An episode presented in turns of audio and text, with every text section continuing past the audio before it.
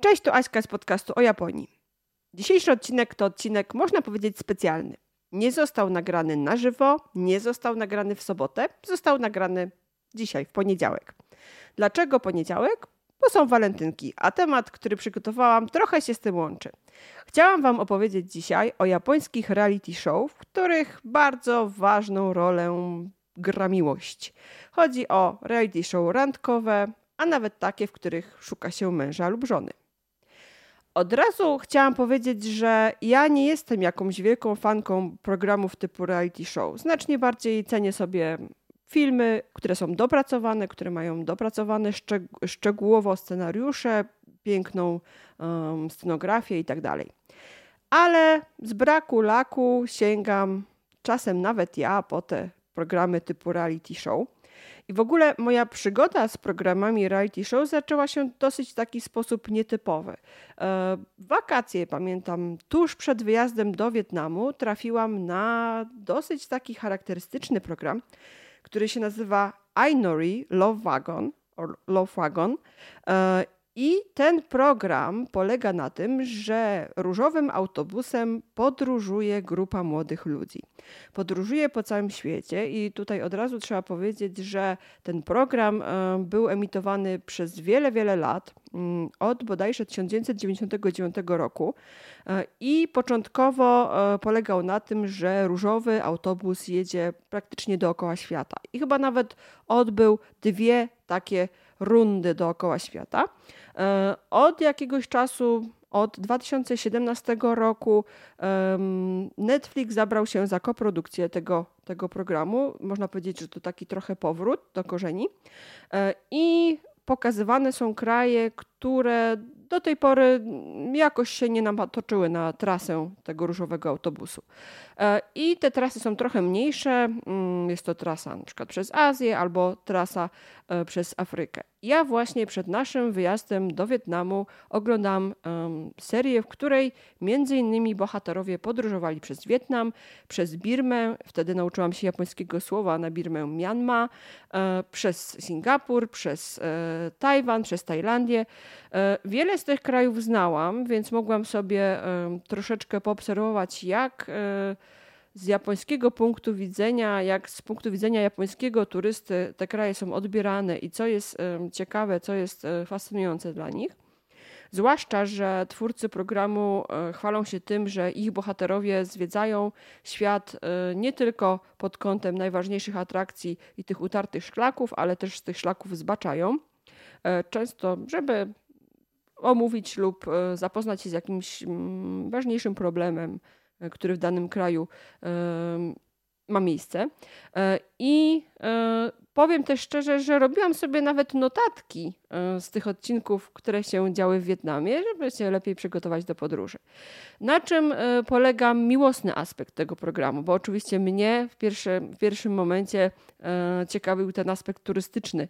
A na czym polega ten miłosny? No słuchajcie, jedzie grupa, grupa osób tym autobusem. Z tego co pamiętam, ich jest nieparzysta i to, i to specjalnie nieparzysta liczba tych uczestników. E, I oni mają się nawzajem poznawać, obserwować siebie w różnych takich sytuacjach nietypowych, jak poszukiwanie noclegu, bo co ciekawe, w tej serii oni wcale nie mają zapewnionych jakichś super hoteli. Muszą sobie za określoną kwotę zapewnić i nocleg, i jedzenie. E, przy czym jest to o wiele fajniej zrealizowane niż e, jakbyśmy oglądali na przykład w polskim programie podobnego typu. Nie chcę o nim mówić, bo, bo był słaby.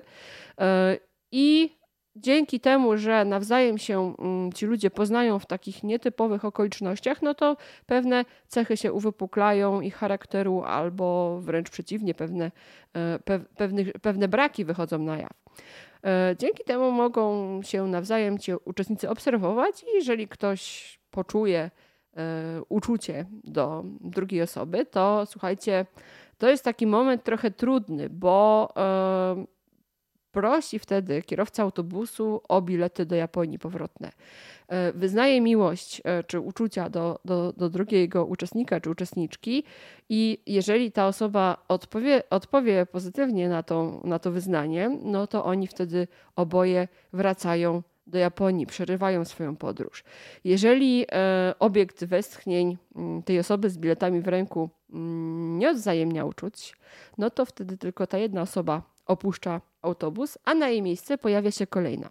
I tutaj też jest bardzo fajny aspekt, bo e, nowi uczestnicy pojawiają się trochę tak jak autostopowicze, których się bierze na, na drodze. Spotykamy ich właśnie gdzieś przy trasie, machają tablicą e, z napisem, żeby ich zabrać, e, tak jak właśnie autostopowicze, dołączają się do ekipy, no i oczywiście wszystko zaczyna się od nowa, nowe emocje, nowe, nowe osoby zawsze wprowadzają jakieś takie dodatkowe um, bicie serca. Często tak to, tak to właśnie w tym programie jest. E, ja przygotowałam sobie troszkę takich danych. Nagrano kilkaset odcinków. Na przykład mam informację, że 400 odcinek został wyemitowany 5 maja 2008 roku. I mam takie podsumowanie, że mniej więcej do tego czasu 44 pary znalazły miłość dzięki programowi, 8 małżeństw zostało zawartych, i na e, koniec jakby tej, tej serii jeszcze nie współprodukowanej przez Netflixa pojawiły się już pierwsze dzieci. Pierwsze dzieci w 2005 roku. Nazwa, nazwali go właśnie Ainori Baby. Potem kolejne się pojawiały. Czyli to nie jest do końca tak, że, że to tylko przygoda przed kamerami, jakaś możliwość odbycia podróży w egzotyczne miejsca, ale naprawdę tam się odbywały e, różne takie faktyczne ciekawe spotkania. I słuchajcie, wiele razy, y, kiedy oglądałam ten e, serial, już ten, ten późniejszy, azjatycki, były odniesienia do starszych odcinków. I na przykład e, ważne jest to, że uczestnicy nie mogą sobie tych uczuć zdradzić i muszą doczekać jakby do tego momentu wręczania czy proponowania biletów. Ale była na przykład taka para, która jakby nie mogła już się powstrzymać przed tym, żeby nie dać sobie buziaka, bo to też, też jest zabronione. E, I oni słuchajcie, um, zaręczyli się na plaży w programie, mimo że złamali wszystkie, wszystkie reguły, odesłani zostali, ale za, za, zaręczyli się na plaży i, e, no i potem było fajnie. Ja ten program mm, oglądałam właśnie przed wjazdem do Wietnamu. Potem z przyjemnością spacerowałam tymi samymi miejscami, e, tymi samymi uliczkami w Wietnamie, w, w Hoi An. E, dokładnie pamiętam, bo podobnie jak uczestnicy programu oglądaliśmy tam festiwal księżycowy mm, i puszczaliśmy łódki i światełka na, na rzece z wyspy Anhoi. E, więc e, można powiedzieć, że trochę mi ten program japoński do moich własnych podróży zainspirował, ale po moim powrocie powstała jeszcze druga seria i tutaj też sobie zrobiłam taką ściągawkę. O ile ten sezon, który ja oglądałam, to był Wietnam, Birma, Tajwan, Tajlandia, Malezja, Singapur, to e, już w drugiej części były takie kraje e, troszkę odmienne kulturowo od tego e, chińsk, mniej więcej chińsko związanego świata, bo kolejna podróż to była podróż przez Indię, przez Nepal, przez Uzbekistan, przez Kazachstan i przez Kirgistan. A najnowsza seria, mm, tak zwana African Journey, dotyczy podróży przez Kenię, przez Ugandę, przez Ruandę i przez Tanzanię. Więc myślę, że jeżeli są wśród Was także osoby, są osoby takie, które e, pasjonują się nie tylko Azją, ale na przykład właśnie też Afryką, no to myślę, że można tutaj połączyć te dwa zainteresowania, mm, czyli posłuchać trochę japońskiego języka, e, popatrzeć, jak Japończycy e, postrzegają inne kraje, ale też właśnie, e, tak jak ja robiłam to w przypadku Wietnamu, e, zanotować sobie jakieś ciekawostki na poczet przyszłej podróży, bo przecież będziemy kiedyś podróżować, prawda? I to całkiem nieźle. Ja wierzę w to, że to już niedługo nastąpi. I to jest tak naprawdę pierwszy program reality show japoński, który obejrzałam. I tak naprawdę nie planowałam za bardzo oglądać innych, bo tak jak mówię, nie jestem fanką tego typu programów, żadnych Big Brotherów i innych nie lubiłam oglądać.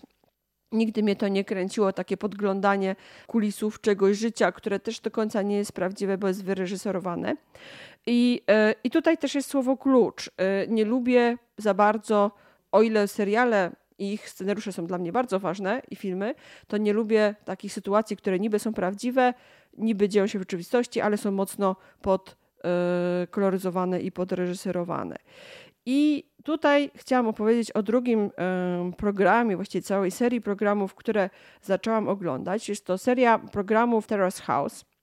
I to też jest, można powiedzieć, reality show o randkowaniu, ale takie trochę nietypowe, bo producenci, twórcy tego show podkreślali na każdym kroku, że to jest program bez scenariusza, że polega on na tym, że kilkoro młodych, zazwyczaj młodych Japończyków, mieszka w jednym wspaniałym domu e, i tak naprawdę nie ma za bardzo reguł, które by dotyczyły e, odnośnie tego, jak mają ze sobą prowadzić relacje.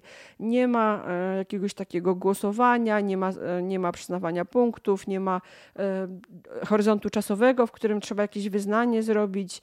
Mm, I co ciekawe, ci mm, gracze czy uczestnicy, bo może uczestnicy to, to lepsza nazwa, oni cały czas chodzą do pracy prowadzą życie towarzyskie, nie, nie są odcięci od świata zewnętrznego w żaden sposób, tyle że mieszkają razem trochę jak współlokatorzy w Ferencach w jednym wspaniałym domu. No i oczywiście e, na widoku kamer. E, to jest dosyć e, takie, taka ciekawostka, którą mm, warto, warto jakby wykorzystać, że randki, na które się umawiali między sobą, odbywały się w bardzo fajnych miejscach i, i tutaj podejrzewam, że to może być jedyny taki aspekt, który jest trochę podsunięty tym tym uczestnikom. Bardzo fajne restauracje albo jakieś takie miejsca z atrakcjami typu tory go-kartowe i tak dalej, żeby coś się działo, ale to też chyba chodzi o to, żeby, żeby e, uczestnicy mogli siebie zobaczyć w różnych okolicznościach. E, I powiem szczerze, że ja sobie te wszystkie miejsca notowałam. E, restauracje, które mnie zainteresowały, dania, które mnie zainteresowały, od razu wyszukiwałam nazwę tego miejsca, bo na ogół szyld gdzieś tam był widoczny i zaznaczałam sobie to na mapie Google'a. Z, z, myślą taką, że jeżeli będę kiedyś w okolicy, a te, ten pierwszy sezon, który oglądałam, dział się w Tokio, e, to może nawet niekoniecznie będę mm, chciała się udać do tej restauracji, ale jeśli gdzieś będę w pobliżu, bo te restauracje były rozsiane po całej aglomeracji tokijskiej, no to można sobie popatrzeć, o tutaj była knajpka, w której byli bohaterowie teraz House i może warto do niej zajrzeć. Więc to też jest trochę taki pomysł na turystykę e, kulinarną śladami bohaterów, może nie seriali, tak jak to mm, niektórzy robią w przypadku, czy Midnight Diner, próbują gdzieś odszukiwać tą, tą knajpkę w Shinjuku, czy y, śladami bohaterów y, takich filmów, czy takich seriali jak Samurai Garmet, czy opowieść o Kantaro, wielbicieli słodyczy, gdzie oni y, faktycznie też do prawdziwych miejsc chodzili. Tutaj mamy też całkiem fajną listę jeśli będziecie zainteresowani, to dajcie znać, może tą listą swoją własną się z Wami podzielę. No właśnie, zaczęłam oglądać teraz House e, od najnowszego sezonu. E, trochę mi to wciągnęło, także dlatego, że bardzo mi się podobało to, że e, uczestnicy rozmawiali ze sobą w, taki swobodny, casualowy, nieformalny sposób. Ja japońskiego głównie się uczyłam tego formalnego, z dużym naciskiem na keigo, czyli takie grzeczne odzywanie się w zależności od tego, jaki jest poziom honoryfikatywności rozmówcy, jak jest, jakie jest jego stanowisko względem mnie, czy jestem wyżej, niżej i tak dalej. Natomiast e, nigdy tak naprawdę nie uczyłam się takiego e, języka mm, nieformalnego, takiego, jakim posługują się między sobą młodzi ludzie. Bo nawet jeżeli oglądałam jakieś seriale czy jakieś anime, to mimo wszystko to też tam pewna maniera była, prawda? A tutaj e, zawsze to był miks bardzo różnych ludzi, bardzo różnych, z różnych prefektur, e, którzy nawet między sobą czasami się nie do końca rozumieli, ale mieli swoje powiedzonka i faktycznie trochę się tej takiej, e, takiej, takiego języka nieformalnego podszkoliłam e, oglądając ten serial. E, I o ile same perypetie tych e, bohaterów chyba mniej mnie interesowały, to właśnie interesowały mnie te różne aspekty kulturalne, jak oni się dogadują, czym się zajmują, czy w ogóle młodzi ludzie w Japonii się teraz interesują. I zaczęłam oglądać kolejne serie, właściwie te starsze. W ogóle, jeżeli chodzi o teraz House, to um, akcja, czy właściwie dom, w którym mieszkali bohaterowie, e, zmieniał się, bo e, o ile było, e, były sezony w Tokio, to zawsze to było w, w, innym apartamencie czy domu, ale też były serie, które, które były przeniesione, bo jedna seria mm, dotyczyła E, domu, który został zlokalizowany na jednej z wysp e, na Hawajach. Ten, ta seria nazywała się e, Aloha State i biorąc pod uwagę, że w Japonii bardzo dużo, dużo jest potomków imigrantów japońskich, to bohaterowie tej serii to byli przemieszani Japończycy, którzy przylecieli z, bezpośrednio z Japonii, razem właśnie z tymi potomkami japońskich imigrantów. I to też było ba bardzo fajne, bo oni też e, zupełnie inne wartości wyznawali. E, no, wiadomo, że ci e, z Hawajów no, to byli bardziej tacy zamerykanizowani, bardziej wyluzowani, ale ci, którzy przyjeżdżali, też byli dosyć ciekawi, bo na przykład przyjechał mistrz surfingu, który pochodził z Kamakury i on wcale nie miał problemu z tym, żeby się zaaklimatyzować, bo podróżował po całym świecie. Inna seria, która też bardzo mi się podobała i która też w pewien sposób sposób zainspirowała mnie do podróży. To seria, która, w której dom był zlokalizowany w lesie w Nagano, w prefekturze Nagano. I mm, mieszkańcy tego domu, słuchajcie, niektórzy dojeżdżali codziennie do Tokio do pracy. Było też parę osób bardziej z okolicy, e, ale jeżeli się wybierali na randki, to raczej wybierali się właśnie gdzieś bliżej w okolicy, czyli dużo, e, dużo miejsc e, z Kanadzały, dużo miejsc z Nagano i okolic było pokazanych w, tym, e, w, tym, mm, w tej serii. I na przykład ja sobie odnotowałam parę miejsc z onsenami, które bardzo mi się podobały i to, to, to, co widziałam w serialu, tak bardziej właśnie na żywo, naprawdę zainspirowało mnie do tego, żeby kiedyś się tam wybrać. Więc to też jest w pewien sposób taki aspekt podróżniczy tutaj też udało mi się znaleźć. Natomiast jakie wady mogłabym tego serialu, te, tego, tego show e, wskazać? E, o ile pierwsze serie były takie bardzo mm, naturalne, to miałam wrażenie, że w kolejnych sezonach nowszych i nowszych, mm, zwłaszcza kiedy ten serial czy to show stało się bardzo popularne, bo e, no bo za sprawą Netflixa dotarło do widzów na całym świecie i poniekąd e, ludzie, którzy tam brali udział, ci uczestnicy, no też w pewien sposób zyskiwali trochę taki status małych celebrities. E, w pewnym momencie zauważyłam, że zaczęli się tam pojawiać ludzie, którzy ewidentnie chcieli wypromować swoją markę i swój biznes. W ostatnim sezonie pojawił, pojawiło się aż dwoje rysowników, e, Włoch, który świetnie mówił po japońsku, który rysował mangę i przy okazji właśnie obserwowaliśmy jego postępy i, e, i to, jakie sukcesy odnosi przy publikacji swoich pierwszych komiksów. Druga rysowniczka była bardzo słaba i słuchajcie, nawet ten program jej nie pomógł wiele. Po prostu no, próbowała, złapała szansę, ale nie udało się. E, ale były też takie biznesy, jak na przykład była kapeluszniczka, która chciała swoją e, kolekcję i wystawę kapeluszy pokazać. No, rysowników było sporo. Był nawet, słuchajcie, artysta, który grał na ukulele, to właśnie w tym, w tym e, sezonie, który się miał, mieścił na Hawajach, ale akurat on, słuchajcie, faktycznie poszukiwał miłości trudno mu było ją znaleźć i co ciekawe, e, pojawił się później w nowszych sezonach też gościnnie. Ja mu bardzo kibicowałam, a zwłaszcza, że grał wspaniale na ukulele.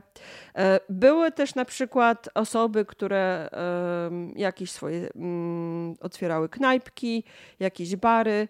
E, był właśnie ten człowiek, który e, był mistrzem surfingu, więc naprawdę róż, różne, różne ciekawe osoby były, ale miałam wrażenie, że momentami niektórzy przychodzili głównie po to, żeby zareklamować swój rozkwitający biznes, że po prostu znajdowali w, w w tym, że biorą udział w programie, formę takiej trochę autoreklamy. I to mi się chyba mniej podobało, aczkolwiek no wiadomo, że każdy próbuje y, wykorzystać mm, szanse, które mu życie daje jak najlepiej, więc trudno tych uczestników za to winić. Natomiast jest jeszcze jeden bardzo ciemny aspekt, który tutaj trzeba uwypuklić, bo Ta najnowsza seria, ona się ponownie właśnie działa w Tokio. W ogóle nazwali to teraz House Tokio 2019-2020. E, nie została e, wyemitowana do końca, bo zdarzyła się bardzo przykra rzecz. E, jedna z uczestniczek, która była w ogóle, wydawała się osobą bardzo mocną psychicznie, bo była zawodniczką, z tego co pamiętam, wrestlingu. Naprawdę taka fest walcząca dziewucha. Bardzo sobie nie radziła z, jakby z tym, jak E, na jej temat wypowiadają się widzowie, zwłaszcza, zwłaszcza ci japońscy. E, trzeba wiedzieć, że Japończycy mają duży problem z tym, że ktoś może być inny.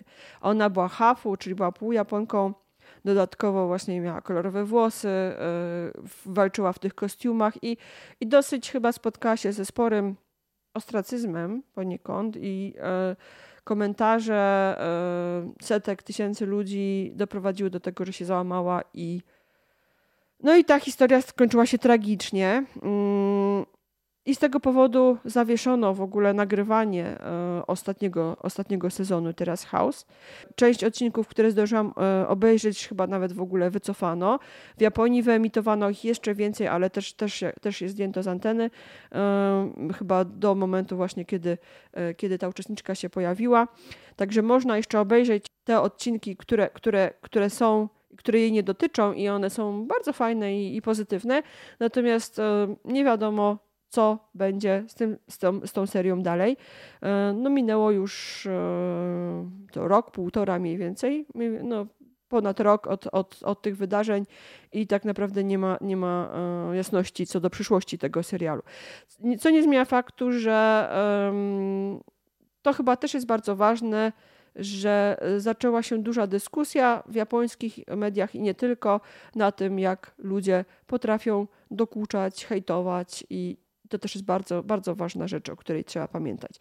Więc e, te programy, gdzie ludzie pokazują się jako oni sami, czyli nie odgrywają jakiejś roli, przedstawiają się z imienia, nazwiska, zapraszają nas poniekąd do, do, do swojego życia, trochę nam tego życia intymnego, intymnego zdradzają, no, mogą mogą być ciężkie i nie, nie każdy sobie e, oczywiście ze sławą dobrą i złą potem radzi, więc trzeba, trzeba być tego świadomym. Więc o, o ile niektórzy próbowali właśnie wykorzystać popularność, to niektórym może ta popularność troszeczkę nie być na rękę. No ale to wiadomo, reality show, tak? Czyli y, przemieszanie rzeczywistości z tym, co się dzieje na planie.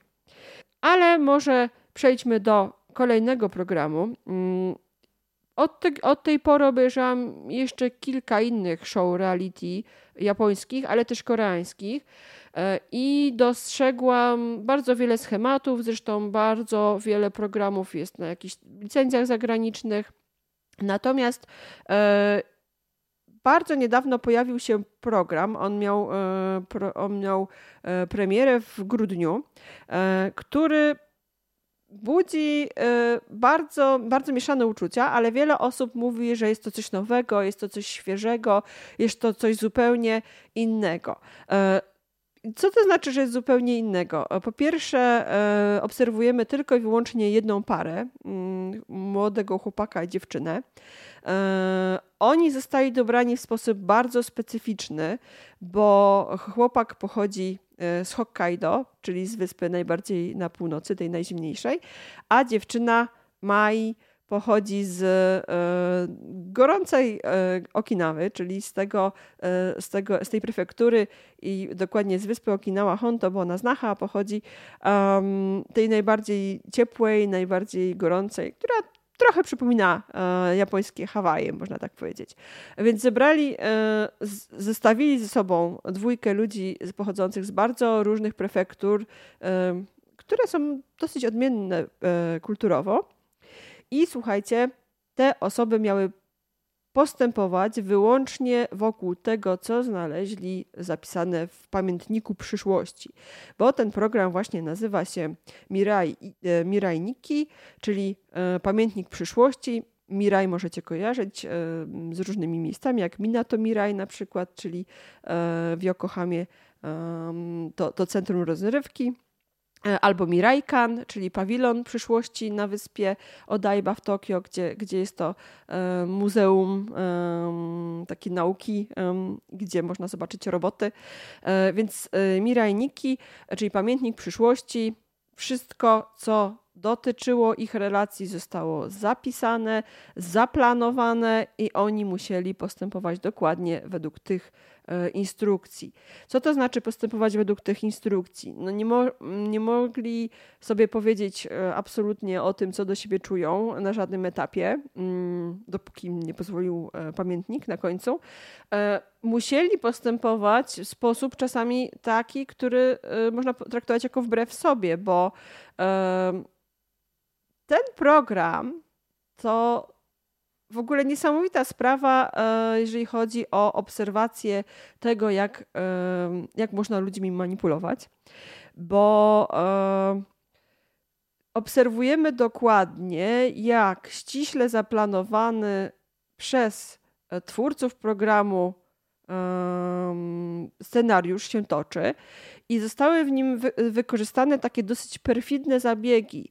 Kiedy już tam oni zaczęli coś do siebie czuć, no to um, okazywało się, że um, bohater Hakto um, gdzieś nie zdążył. I to ewidentnie on robił wszystko, żeby zdążyć i żeby się spotkać z tą swoją współuczestniczką, przyszłą dziewczyną, czy tam ukochaną, e, ale nie było szansy, żeby zdążył i ten autobus odjechał i ona płakała i w ogóle potem gdzieś tam znowu e, kazali jej powiedzieć coś, że w ogóle nie odpowiadać na jego wyznanie miłosne, w ogóle zamknąć buzię na suwak, na kłódkę, wyrzucić klucz. I słuchajcie, no to tak perfidnie było zrobione, że e, wykorzystane jest ten, e, to zjawisko, że jeżeli coś chcemy, ale nam ono jest, ale to, to coś jest nam zabrane sprzed nosa, no to jeszcze bardziej tego chcemy. I po prostu e, myślę, że dowolne dwie osoby, które by e, pojawiły się na ich miejscu, no znalazłyby się w takich, a nie innych sytuacjach, że ich serce by zadrgało i na pewno chcieliby ze sobą być i się zakochać. No i ten pamiętnik nawet mówił, kiedy się mogą całować, kiedy się nie mogą całować, albo kiedy się muszą pocałować, więc w ogóle może się to wydawać absurdalne. I ja to oglądałam z pewną taką, z takim przymrużeniem oka, ale powiem szczerze, że jestem pod wrażeniem tego, jak manipulowali tymi uczestnikami twórcy programu. Przy czym e, ci twórcy e, manipulowali, a uczestnicy wiedzieli, że są manipulowani, więc to nie było takie jakieś nie fair, bo się na to zgodzili, wiedzieli, że, tak, że takie są zasady programu. I chyba nie czuli się jakoś tak strasznie pokrzywdzeni. Ta historia się toczyła, toczyła, aż się, aż się skończyła. Fajnie się skończyła. W sumie to tak. E, I co ciekawe, e, bardzo tutaj też mm, ten program zachęcił mnie do tego, żeby odwiedzić Hokkaido. Ja na Hokkaido wybieram się od dawna, zwłaszcza, że moja przyjaciółka się tam przeprowadziła i gdyby nie pandemia, to pewnie już bym tam u niej była. E, I miałam na, oczywiście na oku parę atrakcji, ale teraz zdecydowanie mam ochotę odwiedzić miasto, z którego pochodził bohater, czyli Otaru e, na samej północy no dosyć blisko Sapporo.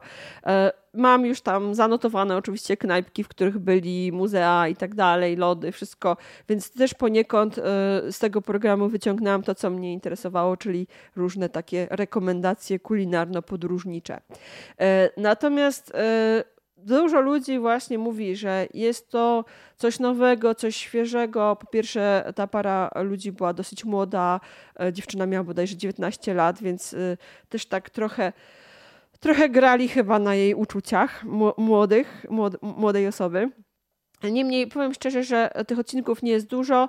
E, oglądam je z przyjemnością, zwłaszcza, że oglądałam od premiery, czyli co tydzień dopiero pojawiły się kolejne odcinki, więc e, trochę było tego oczekiwania z mojej strony. Teraz już możecie zobaczyć całość i już jest zapowiedziane, że będzie kolejny kolejny sezon z kolejnymi uczestnikami nagrany. No jestem ciekawa skąd oni będą, czy może ktoś coś z Chikoku albo coś. No nie wiem, bardzo ciekawa jestem skąd będą pochodzić i jakie miejsca będą pokazywać, bo to też jest istotne.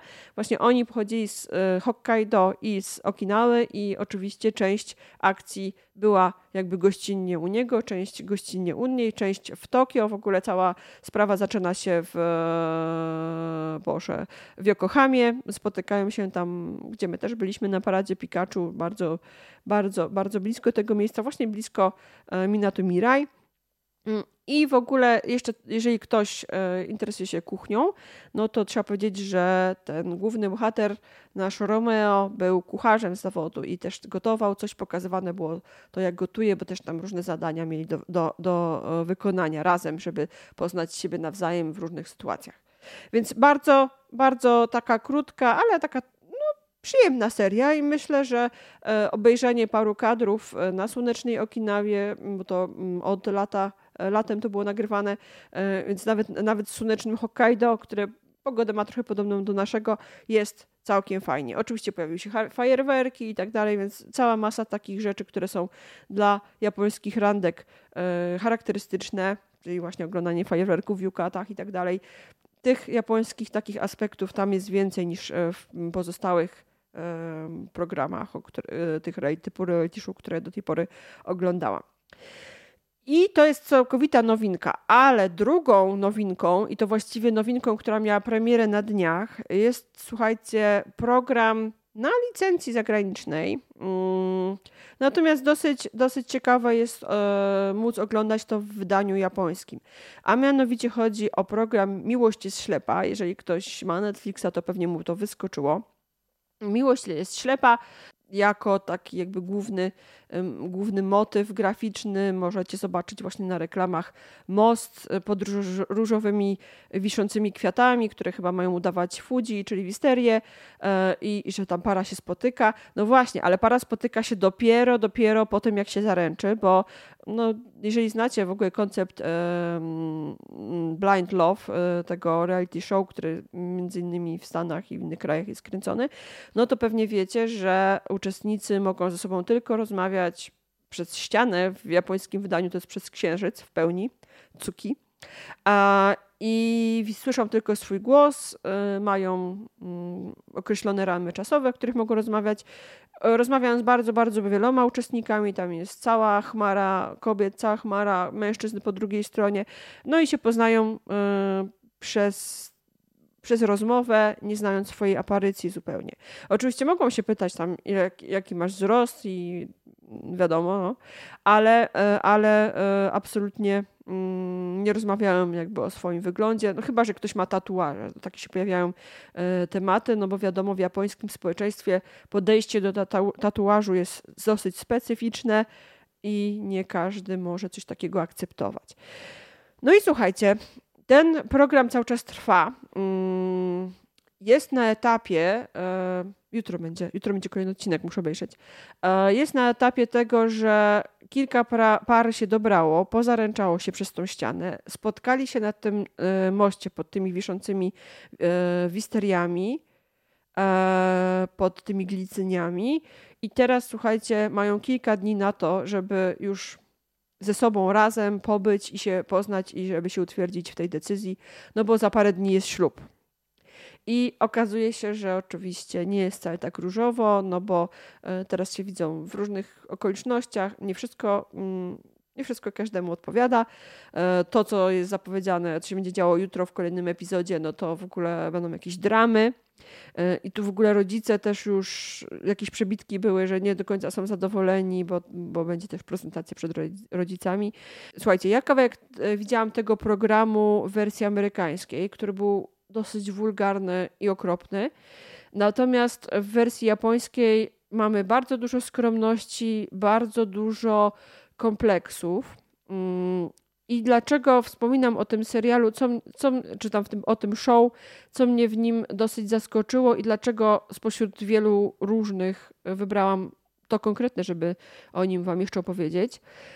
Co jest ciekawego, to to, że w tym programie biorą udział osoby albo starsze, po trzydziestce, a wiemy, że panna, która skończy 25 lat, to jest tym przysłowiowym e, tortem truskawkowym z przeceny, e, który jest bardzo tani 25 grudnia, no bo nikt go nie kupił na Wigilię.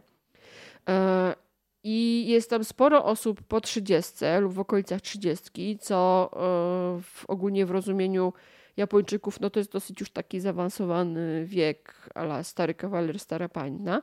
Nawet pojawił się um, uczestnik po 50. I co ciekawe, ten uczestnik od razu wam zdradzę, znalazł drugą połówkę. Mm, mam nadzieję, że to będzie taki akcent, który może nie zaspoileruje wiele, bo tam tych postaci jest bardzo wiele, ale daje, daje taki promyk nadziei. E, I dużo z tych osób miało też przejścia typu rozwód, albo, albo dziecko, albo no, są wdowcami. Czyli można powiedzieć, że w tym programie spotkały się osoby, które, um, które niekoniecznie mają dużą szansę na znalezienie małżonka um, w takich y, okolicznościach typowych. E, to jest dla nich poniekąd szansa, żeby e, przedstawić się w jak najlepszym świetle, e, opowiedzieć o swoich wadach, o swoich kompleksach i w tych wielu, wielu rozmowach godzinami, żeby jakby te sprawy wyjaśnić. Więc jeżeli druga osoba, nie wiedząc jak ktoś wygląda i akceptuje dodatkowo jeszcze te informacje, przykre poniekąd i które w japońskim społeczeństwie są naprawdę uważane za duże obciążenie, no to jest to naprawdę fajny mm, początek do tego, żeby zacząć jakiś związek. No, w tym programie mm, trudno mówić o początku, e, bo od razu za parę dni jest ślub, więc e, właściwie tak wskakują już w środek wydarzeń, no ale powiedzmy, e, jeżeli ktoś akceptuje osobę z jej e, przeszłością, z jej wadami, zaletami, e, ze sposobem mówienia, a potem już widzą siebie nawzajem w różnych okolicznościach, no to powiedzmy, że jakiś tam, jakiś tam ułamek poznał. A co będzie dalej, to, to się dowiemy. Ja nie wiem, ile tych, ile tych małżeństw faktycznie dojdzie do skutku. Były migawki w sukniach ślubnych, więc na pewno, na pewno coś z tego będzie ale na pewno też będzie, będą jakieś dramy, bo jakiś taki porzucony pierścionek też, też pokazali. Oczywiście no, to jest reality show, czyli w dużej mierze też show, więc próbują grać na uczuciach także widzów. E, no i wiadomo, że chcą skusić do oglądania. No ja będę jutro oglądać i, i y, tych odcinków tak naprawdę nie ma dużo, y, więc nawet jakby ktoś chciał nadrobić, to myślę, że spokojnie, szybko nadrobi ten program. Na zakończenie chciałam jeszcze zwrócić uwagę na dosyć charakterystyczny e, element e, reality show, czy w ogóle telewizyjnych e, programów Japonii. Możecie znać to z telewizji, jeżeli byliście w Japonii włączyliście w hotelu czy gdzieś telewizor. Bardzo charakterystyczne jest to, że jakiś program się toczy w obecności czy przy, przy współudziale e, dodatkowych, ja ich nazywam komentatorów. Komentatorów, no, czasami ich nazywają host, e, że to są hości, którzy prowadzą, ale tak naprawdę to są osoby, które oglądają e, razem z nami program i potem e, wygłaszają w przerwach e, czy na zakończenie jakiejś części wygłaszają komentarze. W tych komentarzach w pewien sposób opowiadają to, co widzieli, ale też tłumaczą. Mam wrażenie, że to jest takie tłumaczenie dla, dla publiczności. Na co zwrócić uwagę, co było charakterystycznego, co, co ktoś tam zrobił źle, a co dobrze, czyli takie trochę punktowanie. Zazwyczaj jako o, ci e, komentujący, trochę jak mecze, e, wybierani są osoby ze świata sztuki, popkultury, e, telewizji, właśnie jakieś modelki, celebrities, aktorzy, e, komicy. I praktycznie w każdym z tych, z tych seriali typu reality show, e, a nawet, nawet innych, pojawia się właśnie ten, ten motyw wspólnego komentowania i, i jakby podsumowania odcinków. Oni też oczywiście dodają trochę od siebie, trochę żartów, trochę ciekawostek. E, niemniej jest to bardzo, bardzo charakterystyczne dla japońskiej telewizji, że ktoś poniekąd nam tłumaczy to, co widzieliśmy, y, albo to, co przegapiliśmy nam podpowiada. E, ja na początku byłam e, bardzo, bardzo taka zirytowana tym, że, że oprócz tej akcji, e, czy to w serialu, czy w programie, czy, czy właśnie w reality show, którą chcę oglądać i, i ciekawi mnie, co jest dalej, że ktoś tam wygłasza jakieś takie bardzo, bardzo oczywiste komentarze, bo często te komentarze to są naprawdę truizmy. E, natomiast im e, więcej obejrzałam takich odcinków, tym bardziej doceniam to, bo mam wrażenie, że Japończycy mają ogromne problemy z emocjami, z odczytywaniem emocji, z wyrażaniem emocji i w ogóle z kontaktami międzyludzkimi, zwłaszcza tymi werbalnymi. Jak się obserwuje um, tych uczestników wszystkich tych programów, które no, mają pomóc znaleźć parę, mają znaleźć miłość, to ma się wrażenie, e, jakby te osoby często były bez uczuć.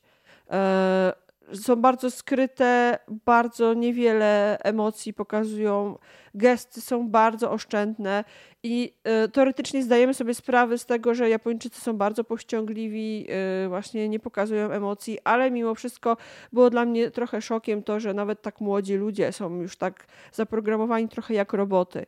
I naprawdę y, ten proces poznawania się do momentu, kiedy złapią się za rękę, a już nie daj Boże e, pocałują, to jest po prostu, to jest jakaś wieczność. I, i e, mam wrażenie właśnie, że ci komentatorzy na boku poniekąd po, pomagają analizować japońskim widzom to, co się dzieje, to, co się wydarzyło, tak żeby, żeby e, nie przeoczyli bardzo subtelnych informacji, jakichś gestów, jakichś jakichś tam e, fragmencików, które mogłyby zasugerować, że ktoś tam już coś poczuł. E, więc to jest bardzo, bardzo charakterystyczne, bardzo typowe dla japońskiej te telewizji. E, oczywiście mamy, mamy powtórki scen, mamy jakieś podsumowania, ale właśnie chodzi o to, żeby mam wrażenie, żeby, żeby japońskiej publiczności wyjaśnić, co tam się wydarzyło w tym programie. Mam nadzieję, że e, dzisiejszy odcinek Wam się podobał. E, nawet jeśli nie jesteście przekonani do programów typu reality show, tak jak ja. Natomiast dla tych, którzy niekoniecznie lubią e, oglądać programy telewizyjne i bardziej interesuje ich na przykład kino, to serdecznie chciałam Wam polecić dwa nasze wcześniejsze odcinki nagrane z udziałem publiczności na żywo. Pierwszy to odcinek o japońskim kinie ogólnie. Rozmawiamy o najwspanialszych japońskich produkcjach, o tych, które najbardziej nas chwyciły za serce lub najbardziej nas szokowały. Natomiast drugi odcinek, na który chciałam Was e, zaprosić, to kuchnia japońska w popkulturze. I oczywiście tam już nie tylko w kinie, ale też um, i w filmach animowanych, i w komiksie, i um, trochę też w telewizji, i w książkach, czyli kuchnia na wszelkie e, możliwe sposoby, ale oczywiście w filmie też. I to jest mój ulubiony motyw. Tymczasem serdecznie dziękuję. Happy Valentine's, Valentine's po japońsku. Um, Yoroshiko onegaishimasu i matane. Do zobaczenia.